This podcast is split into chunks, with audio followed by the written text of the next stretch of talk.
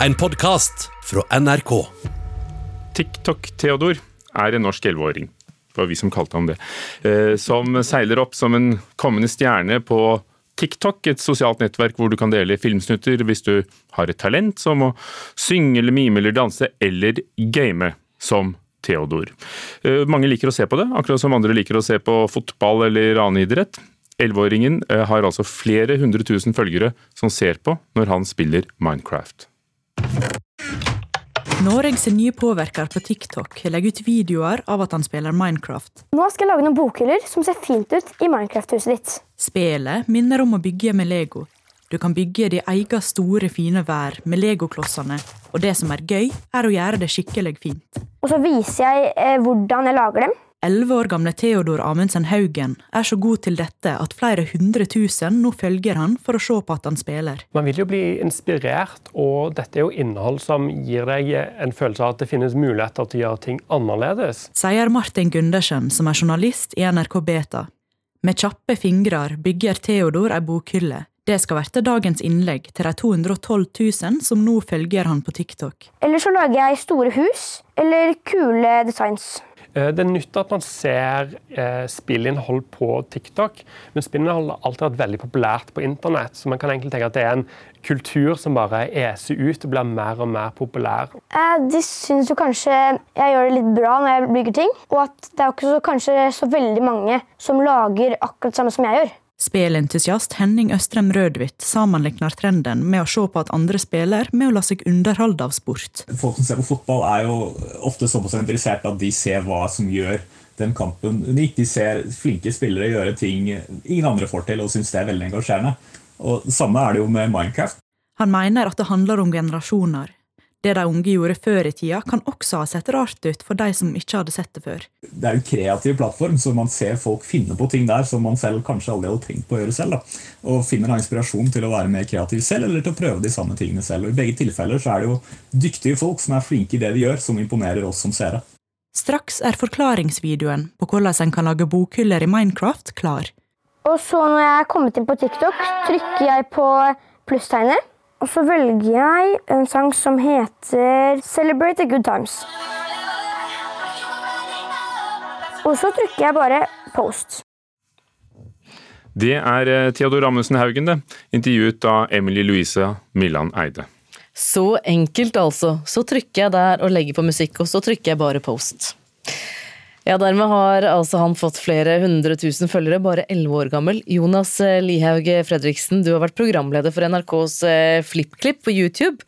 Det er altså et eh, program for barn om gaming, fiksjon, utfordringer osv.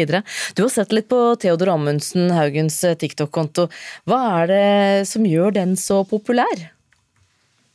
Jeg tror det som er veldig riktig gjort, er at han tilgjengeliggjør et innhold som allerede er populært på på en ny plattform.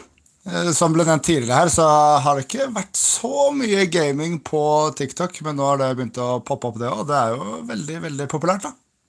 Men det å se på folk som spiller spill, det er et fenomen som har eksistert i mange år. For de som ikke gamer selv, blir ikke dette litt, ja, litt som å se sport på TV? Eh, jo, jo, absolutt. Jeg syns det var en veldig fin, uh, fin, sammenligning. Jeg har tatt den sammenligningen flere ganger før for de som kanskje ikke helt uh, forstår appellen. Men fotball er populært på TV, så det er klart uh, gaminginnhold er populært også. De første som ble store på å vise at de, at de spilte, hva, hva er det de gjorde?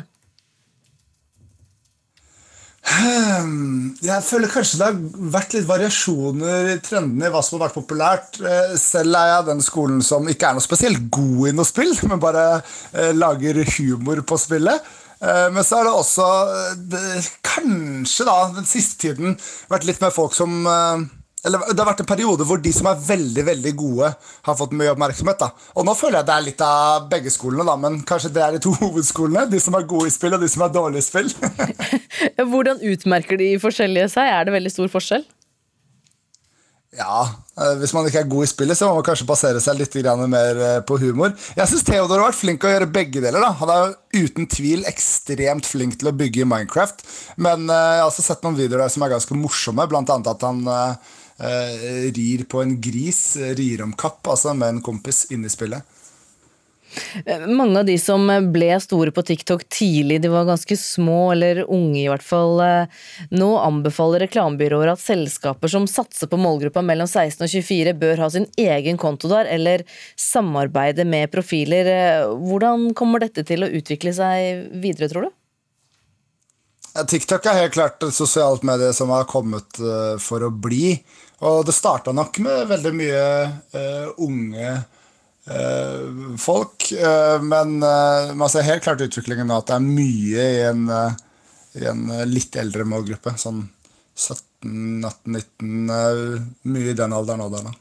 Men vi som kanskje ikke er helt kjent med TikTok, hva er det vi går glipp av ved å ikke være der? Det er, er veldig, veldig kjapp underholdning og en, eh, og en, eh, feed, som det heter, eller en strøm som du selv kan kurere litt ved å si hva du liker og ikke liker. Eh, og, og, alle burde være der, det må jeg bare si. Noe av, det, noe av de morsomste kontoene jeg personlig vet om på TikTok, er eh, folk godt opp i åra. 70-80-90 år gamle som lager koselige og morsomme videoer på TikTok. Så det er noe å hente for voksne eller eldre på å følge folk som Theodor f.eks. på TikTok? Absolutt. Jeg, jeg, snakker mest med mormor på, på direktemeldinger. Jeg på Instagram, så hun henger med i tiden, og da kan alle andre henge med i tiden.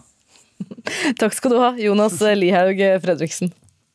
You really are the most ill-bred man to come here at a time like I this. I made up my mind you were the only woman for me, Scarlett, the first day I saw you at 12 Oaks. Now that you've got your lumber mill and Frank's money, you won't come to me as you did to the jail. So I see I shall have to marry you. Vi skrudde klokken tilbake til 1939. Vivian Lee, Clark Gable i Tatt av vinden. En stor klassiker. Og nå har strømmetjenesten HBO Max fjernet den fra sitt tilbud i kjølvannet av demonstrasjonene etter George Floyds død i USA. Kulturreporter Henriette Bertheussen Isaksen, hva er eh, bakgrunnen for avgjørelsen deres? En eh, talsperson for HBO eh, Max har uttalt til Variety at filmen er et produkt fra sin tid. Den skildrer noen av de etniske og rasmessige fordommene som dessverre har vært i det amerikanske samfunnet. Fjerninga kommer etter at manusforfatter John Ridley, kjent fra 12 Years a Slave, skrev i Los Angeles Times at filmen skulle tas ned da den forevige rasestereotypia. Men den er altså ikke fjernet for godt fra HBO? Eh, nei, HBO understreker at eh, de rasistiske skildringene var gal da og er gal i dag. Men de følte at å beholde filmen på strømmetjenesten uten en forklaring og en fordømmelse av disse skildringene ville være uforsvarlig. Eh, filmen kommer til å være tilgjengelig etter hvert, men eh, den kommer tilbake med en diskusjon om dens historiske sammenheng og en fordømmelse av nettopp disse skildringene. Eh, men den vil bli presentert slik den opprinnelig ble laga. Å gjøre noe annet vil være det samme som å hevde at disse fordommene aldri eksisterte, understreker HBO. Filmen den har vunnet åtte Oscar-priser, inkludert beste birolle for eh, Hattie McDaniel, som var den første svarte skuespilleren som noensinne vant en Oscar. For spørsmålet er, takk skal du ha, Henriette Bertheussen Isaksen, er hva gjør tiden med en film eller en bok? 'Tatt av vinden' kom på norsk eh, i 1937 som roman. Filmen var fra 1939.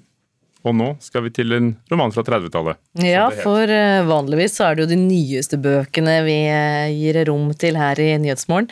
I dag så gjør vi et unntak. Unntaket heter altså Alice sønn. Det er en eh, debutroman fra 1935 som ble en suksess i samtiden. Han ble lest av mange, oversatte 17 språk, høstet gode kritikker i prestisjetunge publikasjoner. New York Times for eksempel, jeg har funnet frem den kritikken, og de sier at dette er 'quiet intimacy of tone that is very pleasing'. En eh, stillfaren, intim tone som, som er veldig behagelig. Og den som eh, står bak denne stilltiende vakre. Det er eh, Magnhild Holke, en 50 år gammel lærerinne, som, eh, som, det het den gangen. Hun er fra Trøndelag. Mange har nok eh, lest Holke senere også, men i vår tid så er dette et ganske ukjent navn, og nå kommer romanen ut på ny. Så hva er grunnen til at vi skal bry oss om Alice sønn, 85 år etter at boken kom ut? Spørsmålet det stiller jeg rett og slett til deg, Marta Norheim.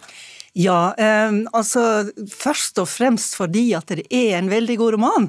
Eh, det merkelige er egentlig at eh, boka har vært mer og mindre glemt.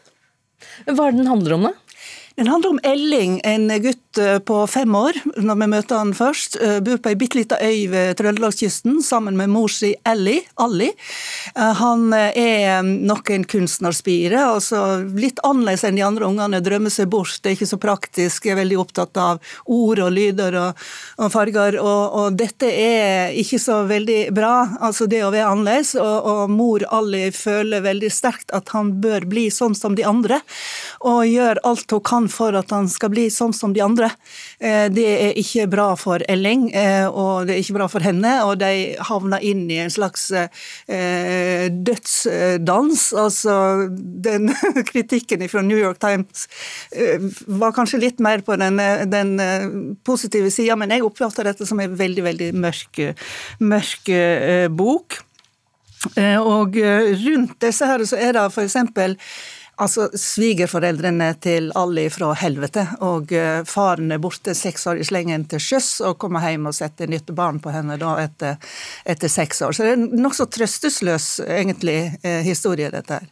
På forsiden av boken så står det 'et glemt mesterverk'. Det er den blitt eh, beskrevet som. Du sier at det er en sterk roman. Hva er det som gjør den så sterk? Ja, altså Den er språklig sterk. Den er bildeskapende, veldig sånn fortett du følger liksom Alice eh, kamp, du følger eh, Ellings kamp. Du ser hvordan dette her virkelig ikke er bra. og det er på en måte i det lukka rommet, i det vesle eh, øysamfunnet, der de liksom aldri kommer seg ut av det.